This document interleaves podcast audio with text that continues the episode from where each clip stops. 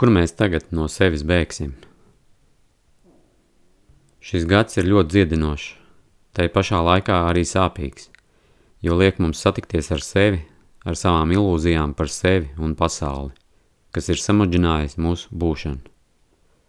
Piespiedu izolācija, darbs no mājām veicināja ciešāk kopā būšanu ar saviem labākajiem spoguļiem – ģimeni. Nevēlt šogad piedzīvojām daudz sāpīgas šķiršanās, jo nespējam vairs skatīties un piedzīvot to, ko nevēlamies, to, kas celt uz mākslīgiem pamatiem. Šajā intensitātē mēs daudz skaidrāk ieraugām sevi, savu ceļu un nespējam vairs aizbēgt no tā darbos un hobijos ārpus mājas. Ļoti liels atbalsts psihiskā stāvokļa nostabilizēšanā bija ceļojumi, kur varējām aizbēgt no ikdienas rūpēm, rutīnas ik pa laikam restartējoties, lai varētu atkal darīt to, kas nav mans, būt tur, kur mums nav jābūt. Prātam tas ir liels atvieglojums, jo viņam patīk apgūt, redzēt jaunas lietas, un ceļojumi tam ir kā saldējs ēdiens.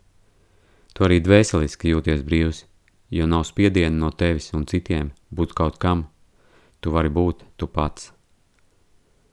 Tagad robežas ir slēgtas, pasauli pārņem haoss, īsti vairs nav droši, kur doties. Kur mēs tagad no sevis bēgsim? No sevis vairs neaizbēgsi. Šādi mirkļi ir svētība. Šķietamā bezizēja var pārvērsties par izēju. Iztēlojies sevi, kā ceļojumā esam, kur atslēdz tavs prāts, vairāk ļaujies sirdsbalsī, mirklim. Esi atvērts visam, ko visums tev piedāvā. Šādā ceļojuma noskaņā mēs ātrāk nokļūsim pie sevis, uz sava ceļa.